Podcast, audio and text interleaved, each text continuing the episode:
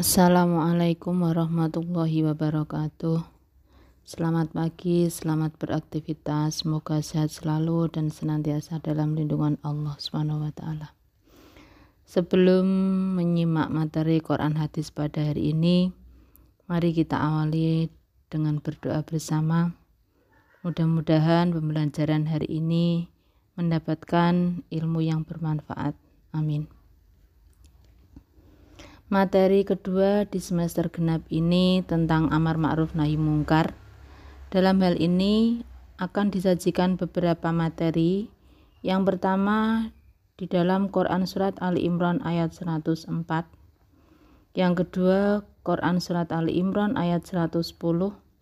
Yang ketiga Quran surat Al-Maidah ayat 78 sampai 80. Yang keempat, hadis yang diriwayatkan oleh Imam Muslim dan yang kelima, hadis yang diriwayatkan oleh Abu Daud, At-Tirmidzi dan Nasai.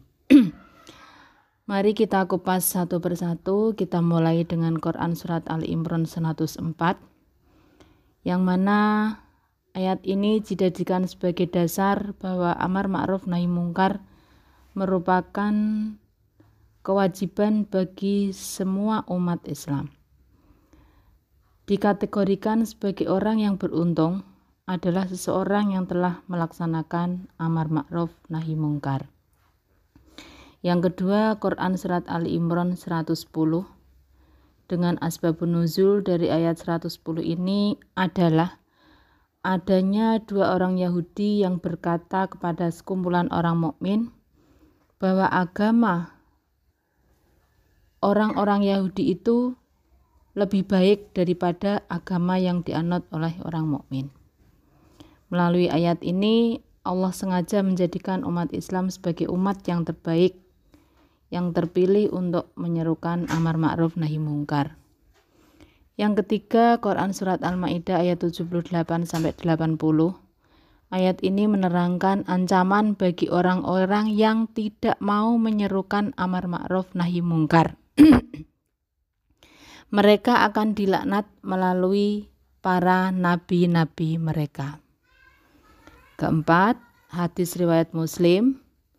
Dalam hal ini, hadis menjelaskan bagaimana cara nahi mungkar atau mencegah kemungkaran.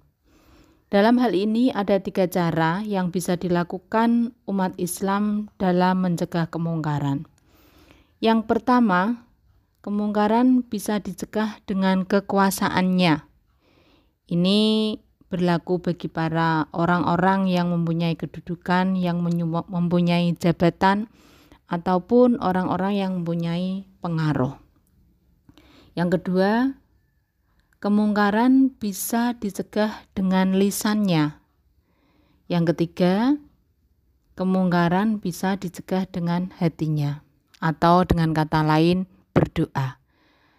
Dalam hal ini, mencegah kemungkaran dengan cara yang ketiga adalah termasuk selemah-lemahnya iman. Hadis riwayat Abu Daud, Tirmidzi dan Nasai berisi tentang ancaman yang ditimbakan oleh Allah kepada orang-orang yang tidak melaksanakan amar ma'ruf nahi mungkar. Demikian materi yang bisa saya sampaikan kepada kalian semua. Mudah-mudahan sekelumit materi ini bermanfaat buat kalian. Demikian yang saya sampaikan. Kurang lebihnya mohon maaf. Wassalamualaikum warahmatullahi wabarakatuh.